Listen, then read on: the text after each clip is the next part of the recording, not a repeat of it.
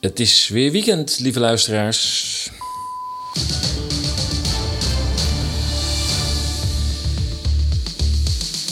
Het is vrijdag 13 mei. O jee, wat moeten we daar weer van verwachten? De 13e en nog wel de vrijdag. Vrijdag 13 mei, weer Radio gehad met interessante onderwerpen en actuele onderwerpen.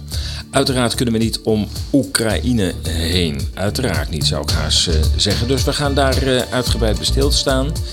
We staan even stil bij de, de nieuwe video documentaire 2000 Mules over de mogelijke verkiezingsfraude in de Verenigde Staten 2020. Uh, uiteraard hebben we modderpraat. We gaan naar Apeldoorn, jawel, nog steeds. En we komen de tijd, als we nog tijd hebben, ook nog op de Oekraïense staalfabriek van Mariupol. Dit alles in Radio Moddergat van dit weekend.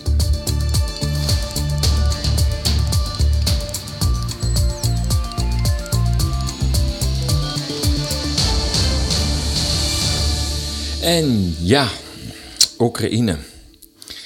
Ik weet ook wel een hele hoop mensen zeggen: ja, dat hele Oekraïne, dat doet ons vergeten dat we uh, toch twee uh, uh, tamelijk rampzalige jaren achter de rug hebben met COVID. En degenen die daar aan de valse knoppen hebben gezeten. En ja, ons met extreme maatregelen, chantage, pressie.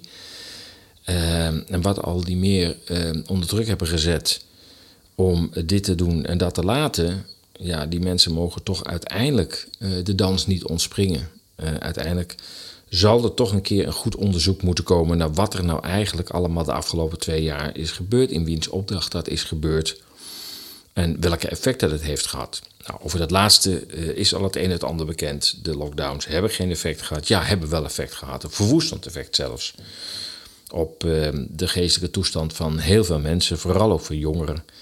Het heeft natuurlijk de middenstand enorme schade uh, berokkend. En dan heb ik het over het MKB, uh, nou ja, de hele horeca, de cultuursector.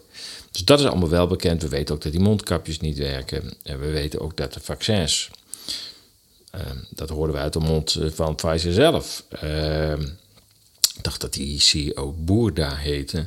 Die zei ja, toch wel teleurgesteld eigenlijk in het effect van de van die eerste twee uh, injecties. Ja, dat was toch, uh, ja, het heeft toch niet zoveel effect gehad.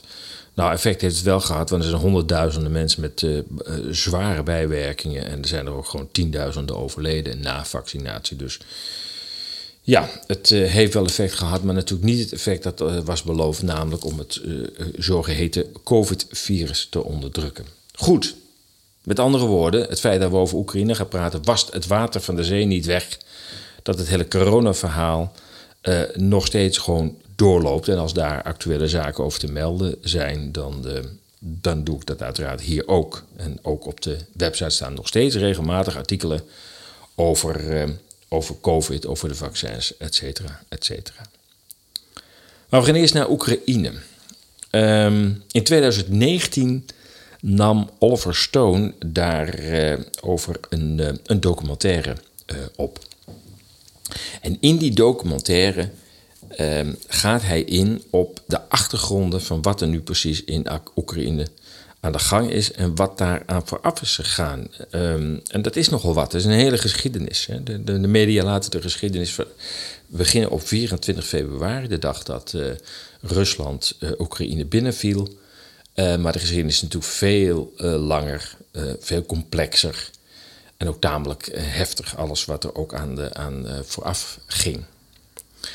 Oliver Stone heeft daarvoor uh, ook al een um, documentaire gemaakt, Ukraine on Fire. Ik dacht uit 2016, als ik het goed heb, maar dat zou ik nog even moeten opzoeken. Um, en daar geeft hij al een hele uh, terugblik op, op alles wat er vooraf is gegaan. En, en, en vooral dan ook die, die, ja, dat, dat verschrikkelijke jaar 2014, waarin dan die uh, zogenaamde Maidan-opstand plaatsvond. Nou ja, um, hij laat het heel goed zien in die documentaire uh, Ukraine on Fire. Dat, nou ja, er is eigenlijk geen. Ja, het is wel sprake van een opstand, maar dat, dat, die opstand is wel uh, behoorlijk aangewakkerd door uh, politici uit, uh, uit de Europese Unie. Hans van Baal was er een van de Kiefer Hofstad en Frans Timmermans.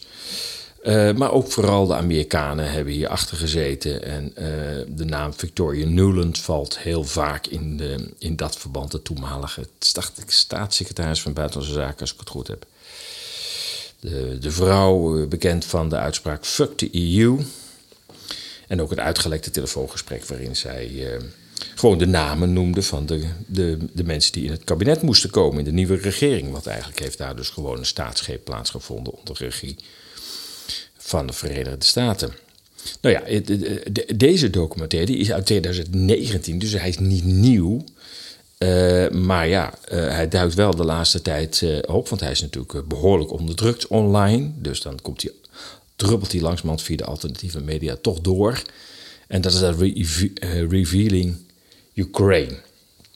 En daarin interviewt hij een van de oud-politici van Oekraïne. Um, en dat is een beetje de leidraad door de hele documentaire. Um, het is heel goed om die documentaire te bekijken. Hij staat ook op, uh, op ezas.nl. Omdat uh, dat veel beter kleur geeft aan dat wat er nu plaatsvindt. De hele context, eigenlijk doen de media precies weer hetzelfde als met COVID. Ze hebben vaak nog niet eens gelogen, helaas vaak ook wel, maar ook heel vaak niet. Maar hebben gewoon de helft van het verhaal steeds weggelaten. De context werd steeds weggelaten. Ja, het virus was er, maar we hebben eerdere virussen gehad en, en daarmee moet je het vergelijken. Nou, het, verhaal is nu ook met Oekraïne precies hetzelfde. Um, de hele context wordt weggelaten. Men begint gewoon 24 februari te schrijven. De Russen vallen Oekraïne binnen. Dat had niet gemogen, dat gaan we veroordelen, we gaan sanctioneren, et cetera et Nou, die context biedt uh, deze documentaire wel degelijk. En ik, ik laat er heel graag uh, een aantal fragmenten van horen. Hier hoor je Oliver Stone, uh, bekend Hollywood-regisseur, zeer betrokken bij Oekraïne. Overigens zegt hij ook: de reden dat ik deze film maak, is om te voorkomen dat het uitloopt op een hete oorlog. We kunnen in ieder geval constateren dat dat niet geslaagd is. Oliver Stone.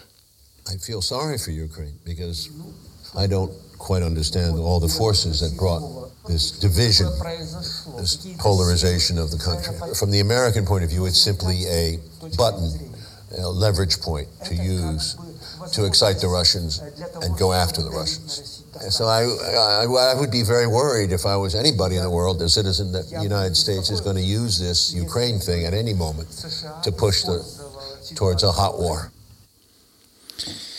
Ja, hier geeft hij heel duidelijk aan dat uh, hij als Amerikaans uh, burger uh, zich erg zorgen maakt over de rol van de Verenigde Staten.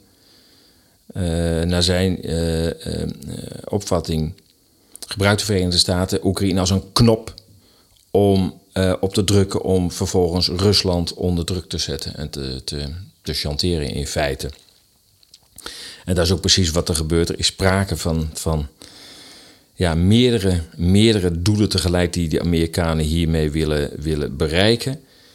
Uh, heel kort samengevat zou je kunnen zeggen: het is vooral een economische oorlog. En natuurlijk zit er ook wat ideologie achter.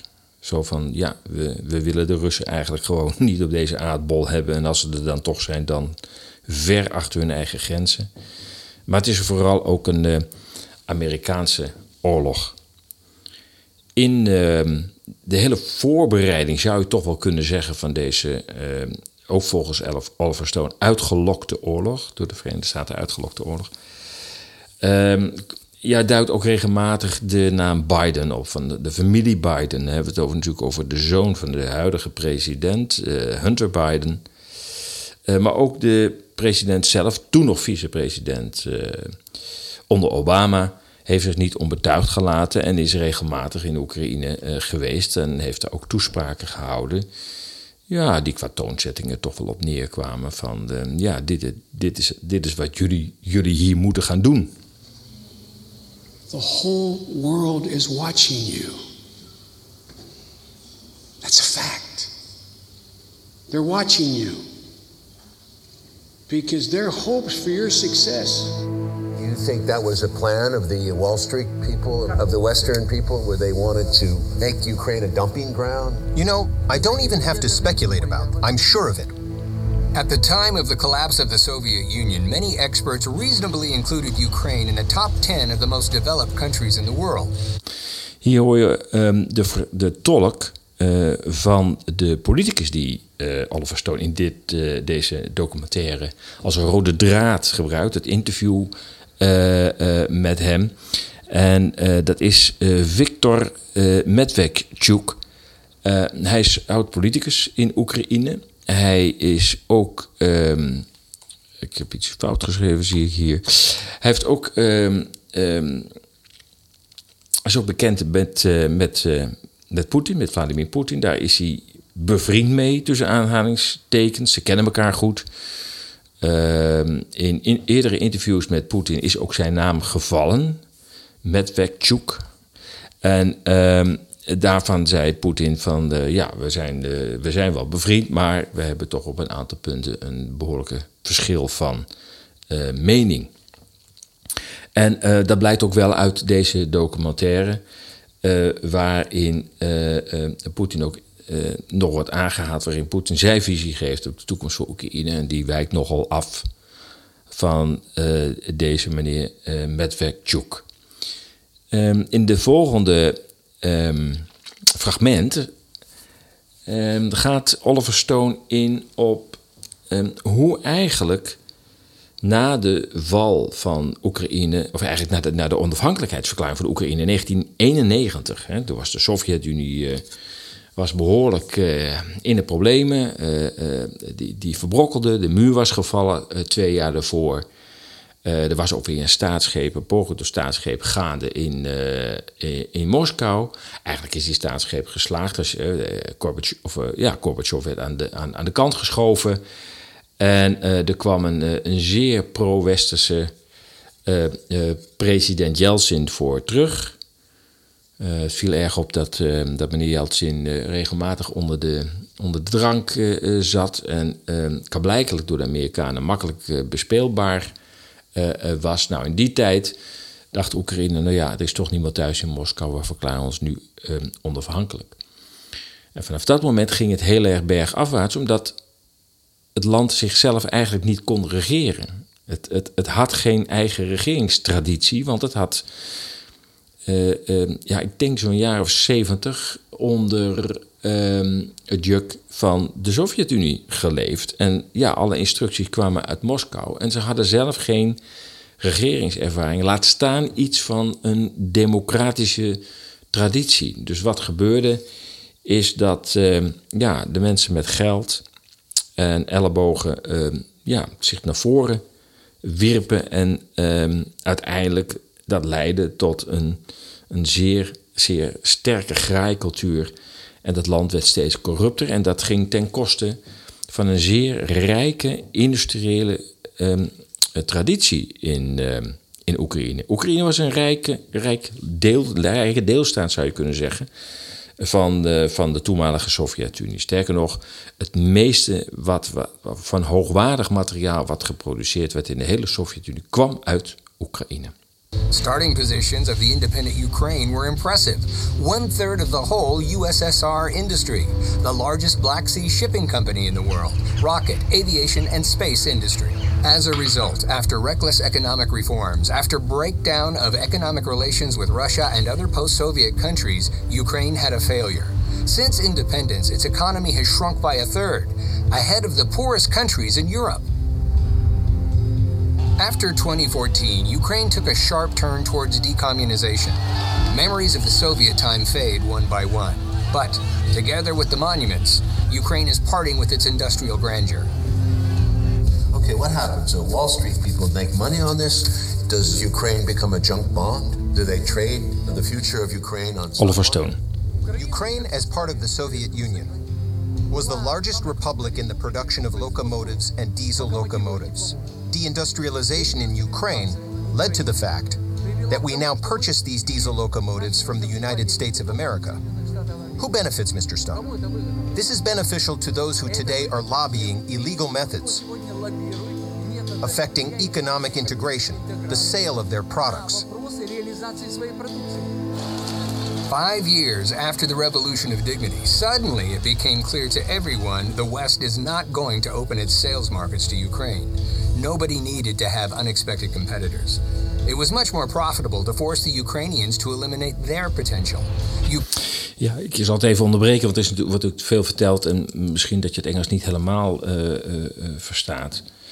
Die Viktor uh, Medvedchuk die geeft aan dat Oekraïne een, een rijke industriële traditie had. De, de, eigenlijk de fabriek van de hele Sovjet-Unie was. Een derde van de hele productie van dat grote Sovjet-Unie kwam uit Oekraïne.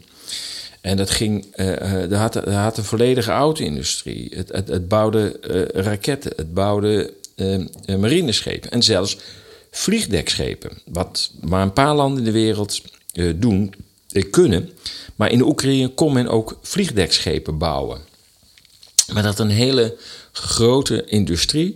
En um, ja, die, die, die, die, verzorgde eigenlijk voor een groot deel ook uh, de Sovjet-Unie. Maar na het, zeg maar, 1991, toen het land zelfstandig ging, toen ging het steeds verder bergafwaarts. En de Amerikanen namen hun invloed. Die zagen natuurlijk ook, het land uh, is nu losgeweekt van de uh, Sovjet-Unie. Toen langzamerhand overgaand naar de Russische Federatie. Um, en begonnen hun invloed aan te wenden. En versnelde eigenlijk dat proces van deindustrialisatie. Oftewel, ja jongens, stoppen jullie maar met die industrie, want je kunt bij ons eigenlijk alles kopen. Ukraine used to be one of the few countries that could produce aircraft carriers. Now there is no shipbuilding in Ukraine. Ukraine used to create space rockets. Now it has no space industry, no aircraft industry. Ukraine doesn't have its own automotive industry. The military industrial complex once brought up to $3 billion annually to the budget.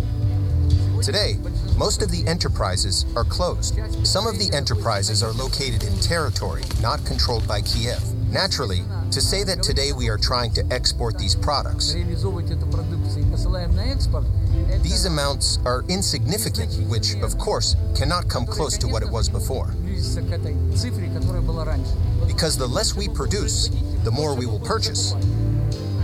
That this is one of the elements of this external expansion. And external management that Washington has introduced in relation to Ukraine since 2014. This was fantastic. This is fantastic. Je hoort een, een damesstem en dat uh, is uh, Victoria Newland, die op dat moment uh, de hand schudt van Vitaly Klitschko, toen de um, burgemeester van Kiev. En uh, Newland heeft wel een hele uh, uh, scheve rol. Ik wilde een ander woord gebruiken, maar ik houd het een beetje netjes. Scheve rol gespeeld in het, het gronde richten van Oekraïne en het zodanig hervormen dat Oekraïne een, geen land werd van export van industriële producten, maar van import van producten. En daarmee werd uh, Oekraïne stap voor stap steeds afhankelijker van de Verenigde Staten. Iets wat natuurlijk ook in Moskou werd waargenomen. Het bleef niet alleen bij de deindustrialisatie, dus zeg maar het uh, ontmantelen van de, de, de zware industrie. Uiteindelijk ging het ook om de energiesector. Um, Oekraïne is van oorsprong een, een, een, een kolen- en olierijk land. Uh, olie moet weliswaar zit in de grond en is nog niet uh, geëxploiteerd. Daar kom, ik later wel op terug. Maar kolen wel. De, eigenlijk leverde Oekraïne ook kolen aan aan de rest van de toenmalige Sovjet-Unie. En zoals je direct hier zult horen, uh, hebben ja, toch de Amerikanen voor een groot deel die uh, energiesector zo dusdanig om zeep geholpen. Uh, die, de kolenwinning lag ook vooral in het oosten. Hè, in het oosten, waar het Russische deel, het Russisch sprekende deel van, de, van Oekraïne is. Um, dat die kolenmijnen werden gesloten. En dat Oekraïne dus een importland werd van energie. Ze moesten nu kolen gaan kopen. En wel van Zuid-Afrika en de Verenigde Staten. Veel gekker kon het natuurlijk niet. Maar daarmee werd het land ook op het gebied Eh, van energievoorziening volkomen afhankelijk van de Verenigde Staten. Another amazing experiment over common sense was the coal scam. Ukraine, which has rich coal deposits in the Donbass, has suddenly turned from an exporter into an importer of coal. It seems that in Kiev and Washington, they agreed to give a new meaning to the saying, to carry coal to Newcastle. After the start of the conflict in the Donbass, Kiev definitely refused to buy Donetsk coal and decided to replace it with imported coal from the USA and South Africa. It was possible to buy it in Russia, but the politics took over. The second example Pennsylvanian coal is much more expensive than Russian coal, and it is more expensive than coal from South Africa. And can you imagine the difference in transportation logistics? Ukraine and Russia, Ukraine and the United States of America, and Ukraine and South Africa. At the same time, today we buy 63% of coal imports from Russia. And we already buy 30% of all imported coal from the United States of America. Is this not the result of what you ask about? Is it not the result of who benefits? Who does it? Those who benefit from the sale of their products in Ukraine.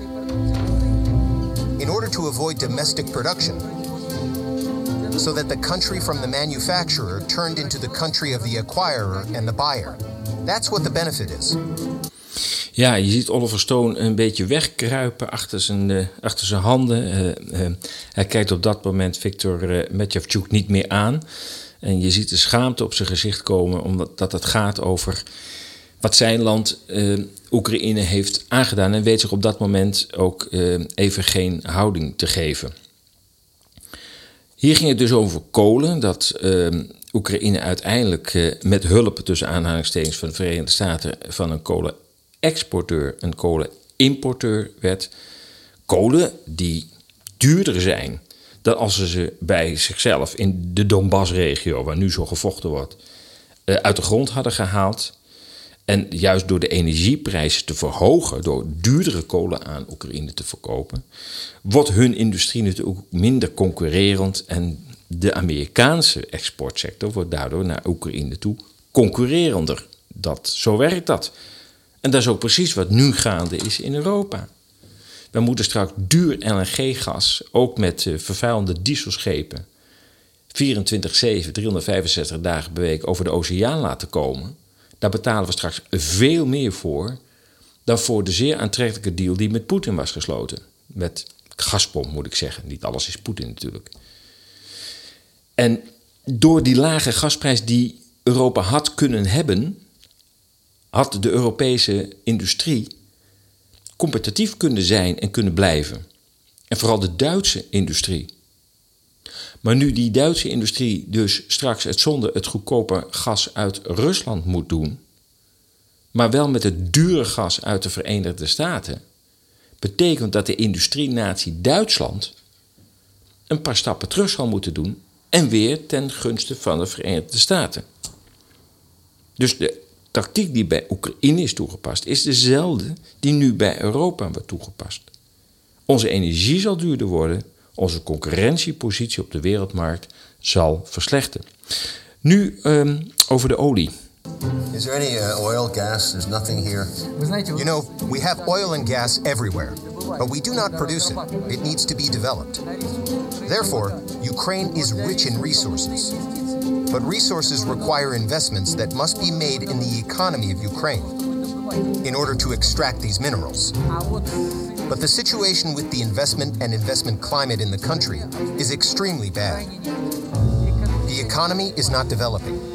The investment climate has not been created. There is pressure from the administrative resource.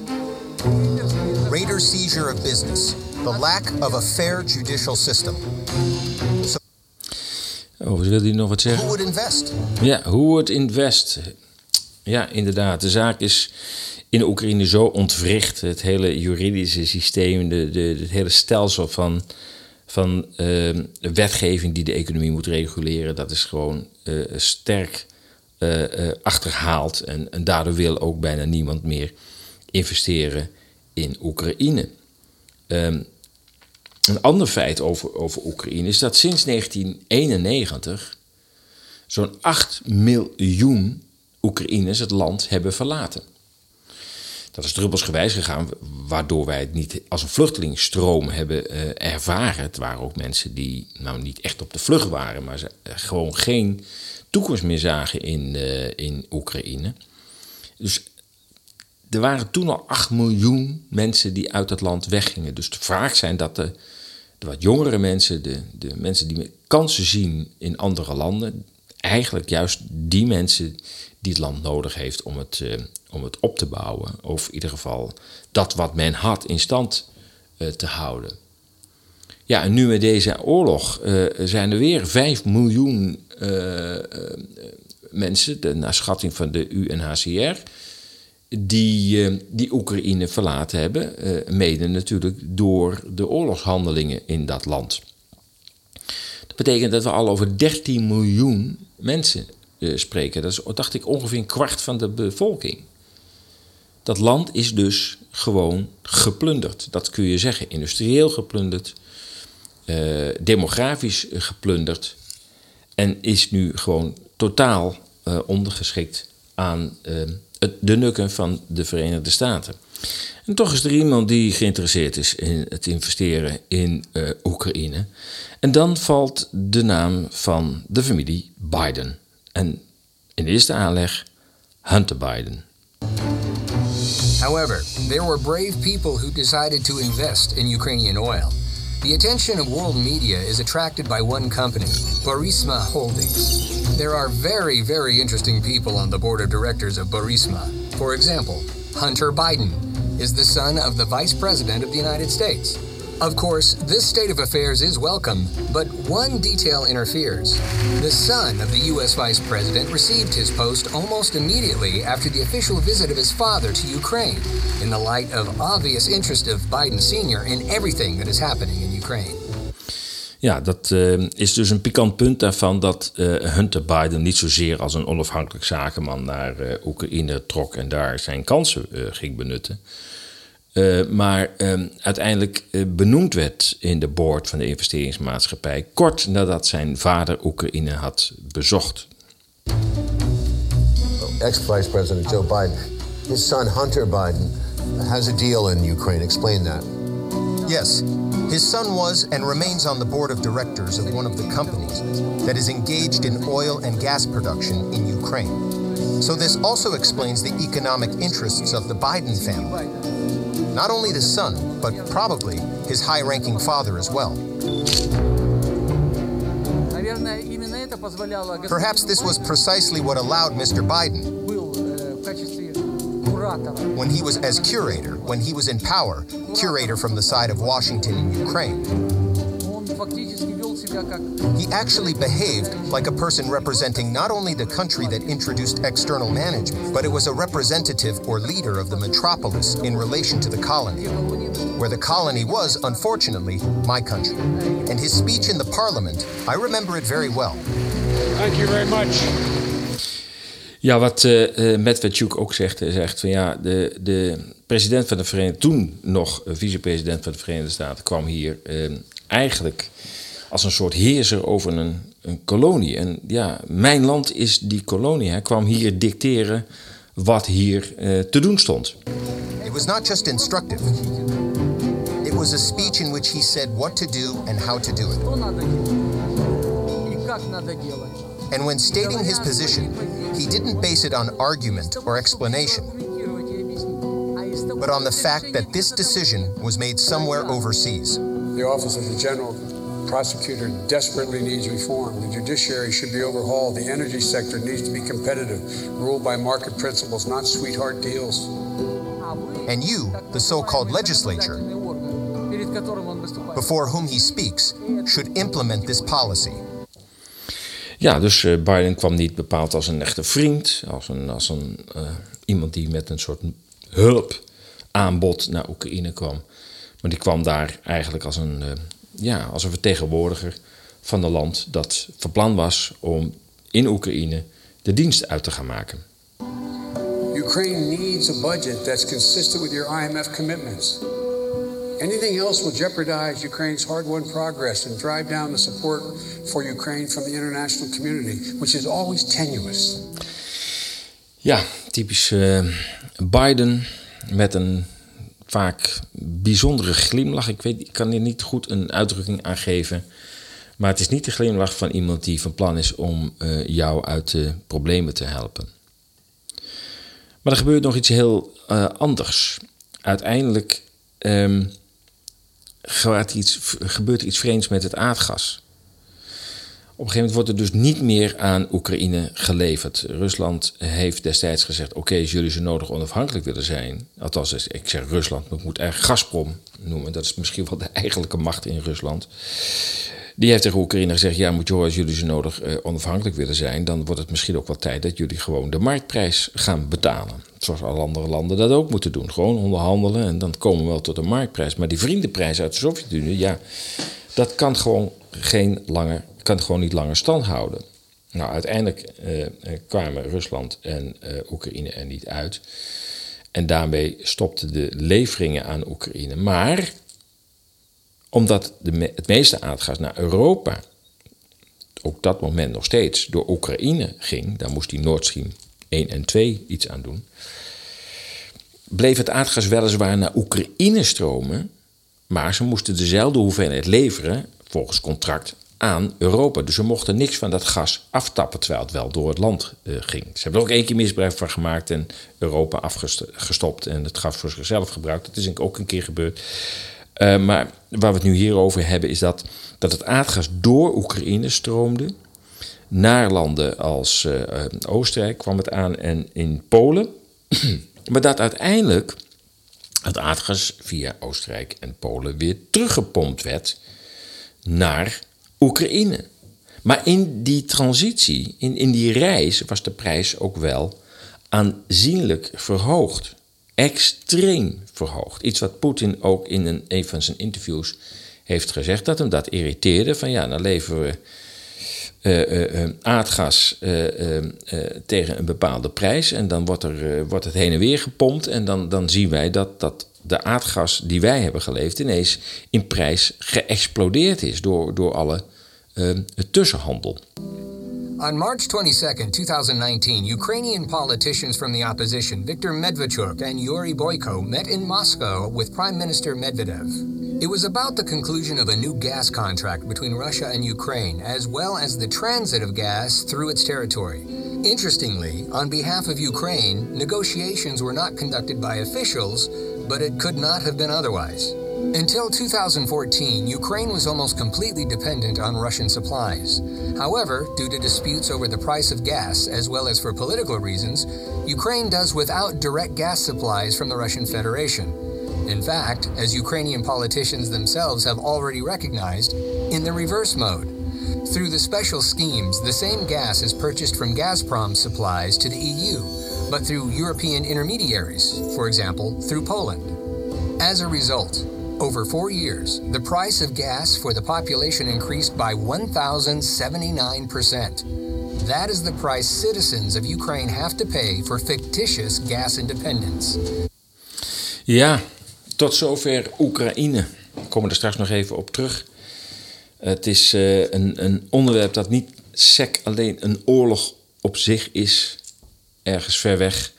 Het is een oorlog dat Europa enorm gaat beïnvloeden. De economie gaat verstoren. Ik wil niet meteen zeggen ontwrichten.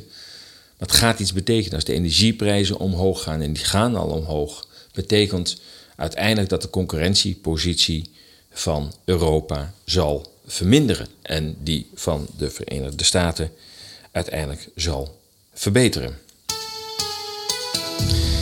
Je luistert naar Radio Moddergat, wereldwijd te beluisteren op Soundcloud, Apple Podcasts en tune in Spotify. Volgens mij sprak ik nu anders in, maar ja, dat maakt ook allemaal niet zo heel veel uh, uit. We gaan nu naar, uh, naar Europa, want Europa heeft uh, ook allerlei plannen op het gebied van social media. En je zou het niet verwachten, maar de EU heeft plannen om op decentrale social media te gaan opereren. Nou, we kennen allemaal de socials. Hè.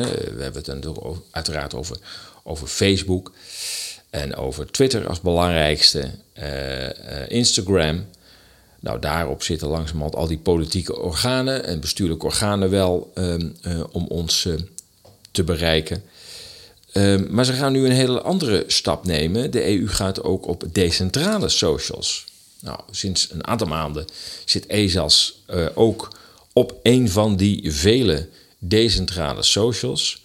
Decentrale social, daar bedoel ik mee, dat zijn uh, sociale netwerken die draaien op honderden, soms duizenden computers.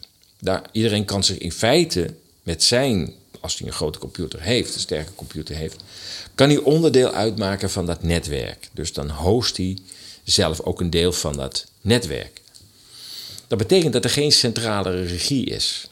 En dat het ook heel moeilijk is voor een overheid om zo'n netwerk eruit te halen, eh, dan wel te, te censureren. Omdat het op heel veel plekken staat het. En er zijn ook heel veel van die netwerken. Dus je kunt zo makkelijk switchen van de een weer naar de, de ander. Rebelbase is de plek waar um, ESAS te vinden is. Um, uiteraard Telegram nog steeds, maar ik heb toch het idee dat um, die centrale uh, media, waaronder ook gewoon Telegram, uh, ja, toch steeds meer in het vizier komen van de overheden en de overheden zich steeds meer gaan mengen in die uh, media. Nou, we hebben ook op Telegram al de nodige voorbeelden gezien van accounts die zijn gesloten. Al is het maar accounts van de Russische media die niet meer op Telegram zijn te vinden.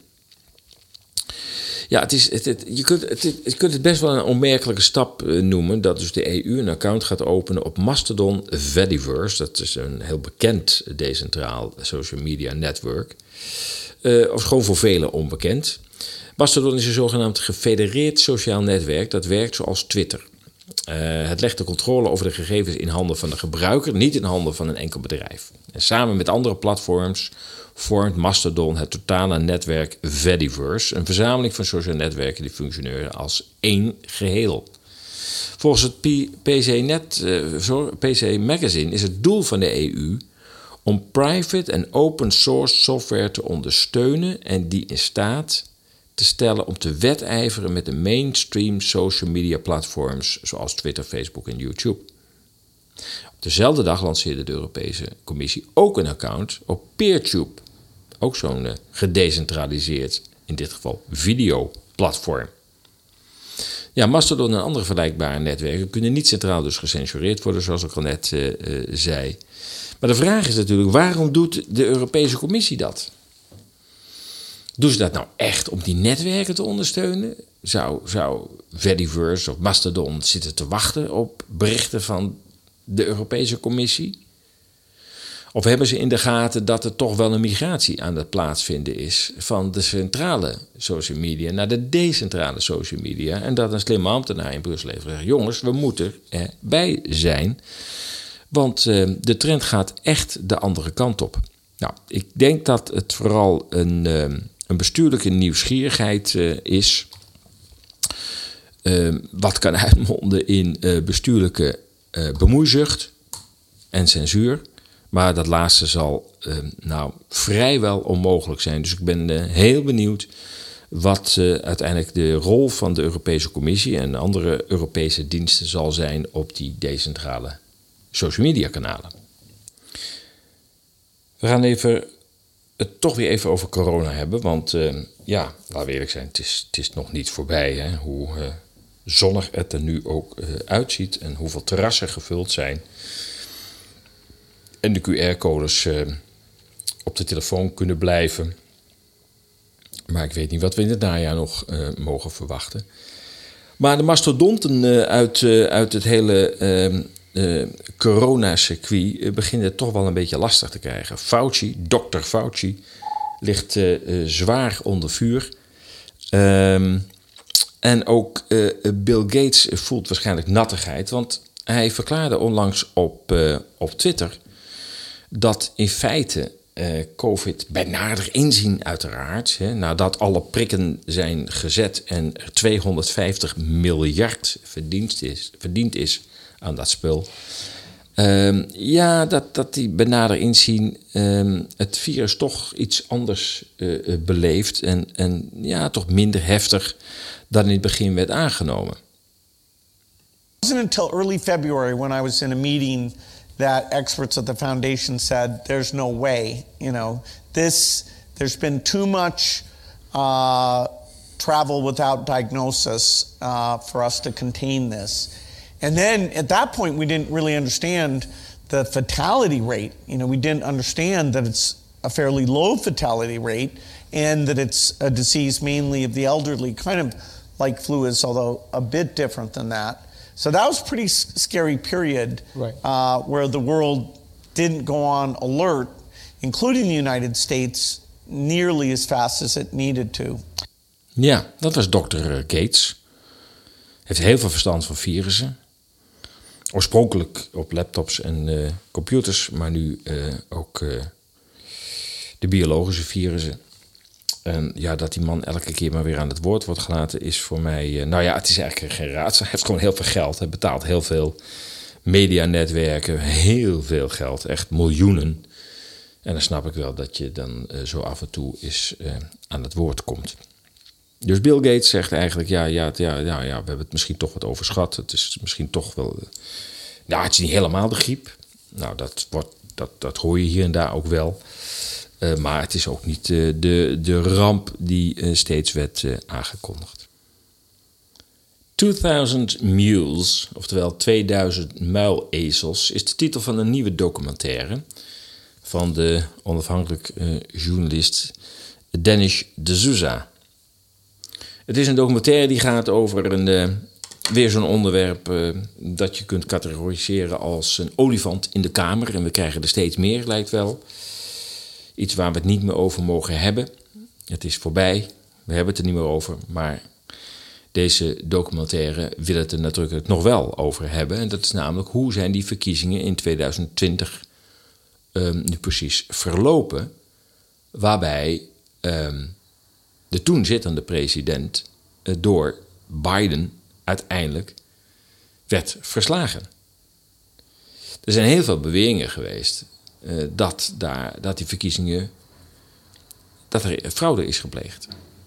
En het zou voornamelijk te maken hebben met die uh, post-in ballots um, stem, stemsysteem, waarbij mensen ook per brief kunnen stemmen en konden stemmen. Nou, dus iets wat men ook in Nederland, D66, uh, Ollongren heeft dat voorgesteld. Maar het is extreem fraudegevoelig, want de mensen komen zelf niet op het stembureau. Er komt gewoon een papiertje binnen.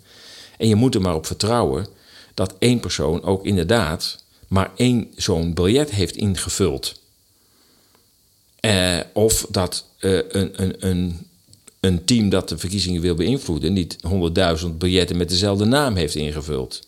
Zonder dat dat nog bekeken wordt. Want die biljetten worden natuurlijk niet allemaal onafhankelijk gelezen. Die gaan allemaal in de grote telmachine.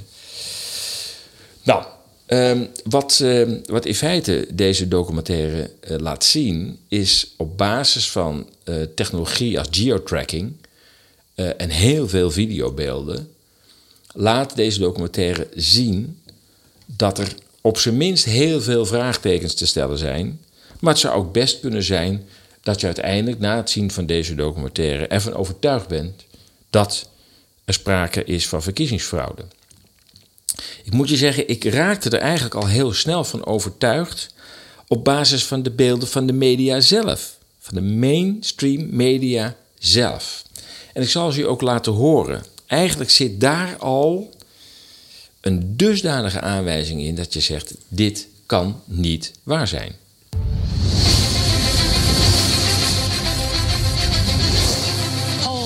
In half the country, and we are getting some interesting results coming in from those battleground states. If you're a Republican, you say, wow. If you're a Democrat, you say, uh oh. Do you see, Donald Trump is now starting to widen his lead. President Trump now with 54% of the vote. The president right now has the lead in the Keystone State. We're going to have a great night, and we're going to have much more importantly, we're going to have a great four years. The 2020 election haunts the American mind. Ja, en dat is um, heel bijzonder. Dat in feite werd uh, gezegd van ja, tegen het einde van de verkiezingsnacht, of eigenlijk van de verkiezingsavond, dat ze ja, Trump ligt zoveel voor. Ja, het ziet er toch naar uit dat, uh, dat, dat Trump gaat, uh, gaat winnen.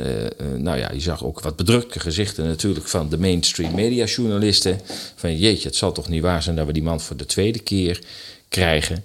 Maar in de loop van de nacht gebeurde er toch iets vreemds. Here's where it gets really bizarre. At Fulton County, most populous county, it is Atlanta. They just stopped counting. Nevada, meanwhile, has stopped counting votes. They've all stopped counting for the night? All right, welcome back. This is CNN special live coverage, 10:31 a.m. on the East Coast. Why am I giving you the time? Well, if you managed to sleep last night, things changed. You may have gone to bed thinking this election was headed one way, and then you woke up and you saw things were different. Also, overnight, Joe Biden pulled ahead in the state of Georgia. Joe Biden takes the lead in Pennsylvania. Okay, we have an announcement to make. Joe Biden has run for president three times, and the third time has turned out to be the charm. Ja, ja. Dus dat was natuurlijk heel vreemd. De, de Amerikanen zijn gaan, gaan slapen.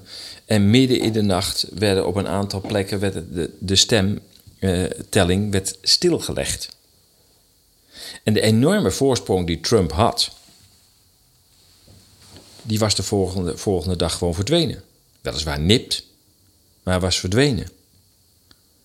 En Joe Biden zou 80 miljoen stemmen hebben gehad, wat extreem hoog is. Voor zover bekend hebben andere presidenten dat nog nooit gehad, 80 miljoen stemmen. Ehm, dus dat alleen al, dan hoef je eigenlijk bijna de rest van de documentaire niet te zien. Kun je zeggen, ja, maar dit, dit, die drie dingen op een rij. A, de einde van de verkiezingsavond stond Trump voor en niet nipt voor, ver voor. Gedurende de nacht wordt de telling ineens stilgelegd. Wat heel, ja, daar is geen verklaring voor. En de volgende dag zegt, zeggen de mainstream media: ja, we hebben een verrassing, maar uh, de situatie is totaal veranderd. Het blijkt nu dat president Biden de verkiezingen heeft gewonnen. De dag daarna moesten de media natuurlijk benadrukken dat dit extreem veilige en eerlijke verkiezingen waren geweest. En het feit dat men dat zo wilde benadrukken, of zo benadrukte, geeft al een beetje aan dat men ook wat gevoel had. Iets klopt er niet. One side insists it was the most secure election in U.S. history. Let me begin with one immutable fact. The 2020 election was the most secure election in American history. It was the cleanest election, the safest election, the most secure election ever run. And make no mistake, there has been no evidence of any significant wides or widespread voter fraud. Let me say it again. The 2020 election was the most secure election in American history. Period. Ja, punt. Punt uit. Niet meer over hebben, waren zeer eerlijke verkiezingen. Dit was alleen maar het materiaal van de mainstream media. En dat roept al zoveel vragen op dat, uh, dat je denkt, nou, dat is geen zuivere koffie. Maar wil je meer weten, dan is het denk ik goed de hele video te zien. Hij staat uh, uh, hier en daar op diverse alternatieve platforms, zoals Rumble en Odyssey. Um, hij is er ook weer afgehaald, officieel na een klacht dat er materiaal uh, gekopieerd uh, was, of in ieder geval onrechtmatig werd gebruikt. in een aantal social media wordt dat verklaard als, ja, dat, dat, is, dat heeft te maken met, met het feit dat, dat er weer censuur wordt gepleegd op deze film. ik denk eerder dat het anders is. Dennis D'Souza heeft deze filmproductie gemaakt. Uh, vraagt daar op zijn uh, website um, vraagt hij daar uh, 29 dollar en 99 cent voor. Dan kun je hem downloaden. Um, dus ik snap wel dat hij waarschijnlijk degene is geweest die heeft gezegd: Ja, ik wil niet dat mijn hele integrale film um, op de diverse platforms komt te staan. Dus ik denk dat hier geen sprake is van censuur. Al kan ik me voorstellen dat een aantal mensen wel heel erg blij is dat deze video niet online staat. Dus hij is te, te koop voor 29,99 dollar. De link staat in de nieuwsbrief bij danish.locals.com. Um, maar daarnaast kun je toch nog proberen of er niet een aantal kopieën toch te vinden zijn op, uh, op misschien BitChute of Rumble. Uh, dan wel op, uh, op Odyssey heb ik er een aantal gezien. Die zullen er ook wel weer snel worden afgehaald. Dus uh, misschien is enige haast ehm, geboden. Ja, het is alweer tien minuten voor het, voor het einde. Uh, ik heb nog een bericht over de COVID-vaccins. Ja, het lijkt in het najaar alsof men weer gewoon met die hele prikactie uh, door wil gaan. Wat natuurlijk belachelijk is als we nou weten hoeveel duizenden slachtoffers dit heeft opgeleverd. Hoe durf je als politicus en media nog achter het, het opdringen van deze vaccins te staan? Hoe is het in hemelsnaam mogelijk? Want uh, ook um, even kijken. Um, Steve Kirsch, uh, die heeft zich al vaker uh, gemeld online in alternatieve podcasts. Dat is een onderzoeker. en um, die, die komt ook uit de, de, de, de technische industrie. Ik weet niet precies, ik zou het even nog moeten opzoeken. maar die heeft. oh ja, hij is executive director Vaccine Safety Research Foundation. Dus hij onderzoekt de, de, de veiligheid en effectiviteit van uh, vaccins. Um, zijn website is fac, met een C dan natuurlijk, hè, facsafety.org. Hij heeft zelf onderzoek gedaan op basis van uh, onlangs vrijgegeven cijfers van de Britse overheid. Uh, hij legt ook in extenso uit in uh, zijn artikel waarvan de inleiding op ezas.nl staat onder de titel COVID-vaccins meer slachtoffers dan geredde personen. En dat is dan ook de conclusie. Hij zegt: als ik die cijfers goed interpreteer, dan heeft het vaccins meer slachtoffers geëist dan erdoor gered zijn. Nou, dat is toch wel wat. Maar ook al was die verhouding anders geweest, dan kun je nog afvragen: is het gerechtvaardigd dat het vaccin zoveel verschrikt. We hebben het over miljoenen mensen die ernstige bijwerkingen hebben van dit vaccin. En er zijn tienduizenden mensen minimaal. We hebben het over mensen die gemeld zijn. Dus niet over de feitelijke situatie, maar mensen die gemeld zijn. Vele tienduizenden zijn na vaccinatie, na inenting gestorven. Ja, dan denk ik, hoe kan het dat we daar maar mee door blijven gaan? En wat, wat is nou die drive? Is dat. Ja, nee, ik laat hem niet op speculeren. Eén uh, ding is duidelijk: het deugt gewoon niet dat je, dat je zo'n slecht vaccin, dat zo slecht werkt en zoveel mensen gezondheidsschade, ernstige gezondheidsschade heeft opgeleverd, dat je dat als politiek en media maar aan de bevolking blijft opdringen. Het is onvoorstelbaar. Nog los van het feit dat we praten nog steeds over hetzelfde vaccin dat in maart 2020 of daarvoor is ontwikkeld voor het virus dat op dat moment een bepaalde vorm had. Ja, dat virus is er natuurlijk in die vorm al lang niet meer. Hoe kan het dat, dat nog steeds datzelfde goedje wordt ingespoten? Ja, blijft verbazingwekkend. Laatste item. Toch even terug naar, uh, naar Oekraïne. Um, er staat een artikel op de, op de website. um, en dat heet uh, Waarom de Azov staalfabriek strijdtoneel is. Um, dat, in dat artikel is een lang artikel. Dat is ook een artikel uh, dat uh, alleen toegankelijk is voor leden van ESAS. met andere woorden, je kunt lid worden van, van ESAS, gratis lid. Dan kun je een maand lang de meeste artikelen lezen. Je kunt ook fan of vriend worden en dan kun je respectievelijk een half jaar of een jaar alle artikelen lezen.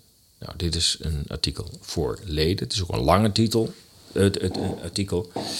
En het gaat over, ja, wat is er nou werkelijk aan de hand? Waarom wordt er nou zo gestreden om die uh, uh, fabriek in, uh, in Mariupol? Nou, waarom er überhaupt zoveel gestreden wordt om Mariupol... is omdat dat een beetje de thuisbasis is van die Azov-brigade, die um, ja, ja, niet alleen rechtsradicaal is, maar nog erger, het is gewoon een natiebeweging en daar komen ze ook gewoon voor uit. De, de, de hakenkruizen zijn niet van de lucht in Oekraïne.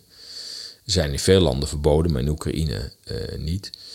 En sinds 19, uh, nee, 2014, de, de staatsgreep waar ik het straks over had, de Maidan, de revolutie tussen aanhalingstekens, uh, maken ze ook deel uit van de regering en hebben ze ook een legeronderdeel in het officiële Oekraïense leger. Nou, daar schijnt een groot deel van in, uh, in Mariupol Pol te zitten. ja, een van de doelen van Rusland is om ja, die naties eruit te krijgen uit Oekraïne. Want daar zijn ze gewoon bang voor. Die naties die, die willen gewoon niets met Russen te maken hebben. En die willen eigenlijk ook alle Russen uit Oost-Oekraïne wegpesten. Dat hebben ze ook acht jaar lang geprobeerd. Dat is ook voor een deel gelukt. 750.000 mensen, kwart miljoen mensen zijn uh, gevlucht naar Rusland. Uh, ja, dus de, uh, uh, Mariupol is dus zeg maar zo'n thuisbasis in het oosten van, van Oekraïne van deze brigade. En daarnaast staat er ook nog een. Staan meerdere staalfabrieken, maar één daarvan is ook redelijk van belang. En het is door zijn enorme omvang. Het is een van de grootste staalfabrieken van de wereld. En uh, als je uh, staal produceert, dan heb je om te zorgen voor een continue kwaliteit van het staal, heb je luchtsplitsing nodig. Nou, ik wist ook niet wat het was, luchtsplitsing. Maar luchtsplitsing betekent um, dat je lucht opsplitst in verschillende componenten. En bij die splitsing komt onder andere het neongas vrij. het neongas is belangrijk voor de halfgeleiderindustrie. En daarmee zeg je eigenlijk voor de hele elektronica-industrie. En aangezien we nu, ik citeer even Klaus Schwab, de vierde industriële revolutie ingaan, die vooral gaat over kunstmatige intelligentie en verdere digitalisering, wilde bijna zeggen extreme digitalisering. Ja, dat kan gewoon niet zonder microelektronica. En dat kan dus ook niet zonder neon. En uh, tot voor uh, nou ja, een aantal jaar geleden was Oekraïne een van de belangrijkste leveranciers van dat gas, van dat neongas. Uh, want dat neongas dat komt eigenlijk bij alle staalproductie vrij. Dus ook ehm, bij ons in Emuiden, om het maar zo te zeggen. Alleen, het moet, het moet echt in grote hoeveelheden komen, wil het interessant zijn. En dat kan alleen als je enorm veel staal produceert. En dat, dat doet die fabriek, die Azov staalfabriek in, uh, in Mariupol. Um, dus die fabriek is van groot strategisch belang. Ze zijn niet meer nummer één, althans laat ik zo zeggen. Uh, ze moeten nu de plaats in de wereldmarkt delen met, uh, met China. China produceert de laatste vijf tot tien jaar ook neongas, omdat ze ook wel in de gaten heeft van hé, hey, dat is wel belangrijk voor onze eigen, eigen elektronica-industrie. Dus die produceert nu ook. Oekraïne produceert het ook nog steeds. Maar ja, die fabriek ligt langzamerhand natuurlijk stil. Dus ook dat, daar begint een probleem te ontstaan. Dat in die halfgeleide-industrie, dus in het maken van computers, smartphones, nou ja, alles wat maar elektronisch is, camera's. Uh, uh, ja, dat, dat, we straks gaan merken dat, dat neongas dus um, ja, beperkt is door de situatie daar in Mariupol. Um, dus ja, um, uh, de Russen hebben daar uh, meerdere uh, redenen om echt te zijn. Men wil die Azov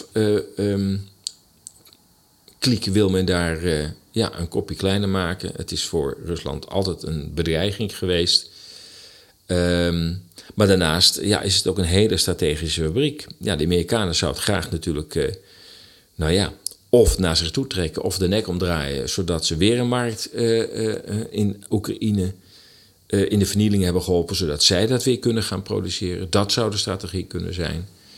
En het is ook een belangrijke werkgever in Oost-Oekraïne. Dus als die fabriek uiteindelijk zal worden gesloten, als het uiteindelijk in, in handen valt van de Verenigde Staten en, en nou ja, de, regering, de, de Amerikaans gezinde um, regering in uh, Kiev. En die fabriek wordt gesloten. Dat betekent dat nog meer armoede in het oosten van Oekraïne. En nog meer uittocht waarschijnlijk van Russen naar Rusland. Um, ja, en dat is voor een deel van de uh, Oekraïnse regering ook inderdaad uh, de intentie zeker van de naties. Die willen gewoon die Russen daar weg hebben. Dus die fabriek is van extreem belang, economisch belang, maar ook in belang van werkgelegenheid. Um, ja, er is wel een probleempje. De, het, is een enorm terrein. Ik, eh, ik, las 11 vierkante kilometer. Dat is nogal wat. Uh, onder uh, de fabriek liggen vele grote schuilkelders. Die hebben de Sovjets nog gebouwd. om de werknemers te beschermen tegen eventuele atoomaanvallen. Daar hielden ze dus toen ook al rekening mee. Ehm, en al die, die, die schuilplaatsen zijn verbonden uh, via gangen, via tunnels. En men zegt dat er iets van 24 kilometer aan tunnels onder het terrein ligt. Dus ja, het, het, hoe ga je daar met een leger in om een andere leger? Men verwacht dat er zo'n 1500 mensen, 1500 soldaten, zowel van de Azov-brigade als van het uh, reguliere Oekraïnse leger, daar ergens zich uh, ophouden. Daarnaast zijn er, schijnen er ook burgers te zijn. Uh, ja, dan kun je afvragen hoe die burgers daarin komen. Ik denk dat ze er niet altijd vrijwillig in zijn gegaan. Uh, is een bekende tactiek om uh, burgers um, onderdeel te laten zijn van je, van je, van je locatie. Zodat als er straks als er gevochten gaat worden en de Russen zouden ehm, die, dat gangenstelsel betreden, dan vallen de burgerslachtoffers en dan heb je weer PR-punten ja, het is zo cynisch als, als het maar kan zijn. Maar ja, laten we heel eerlijk zijn. Oorlog is cynisch.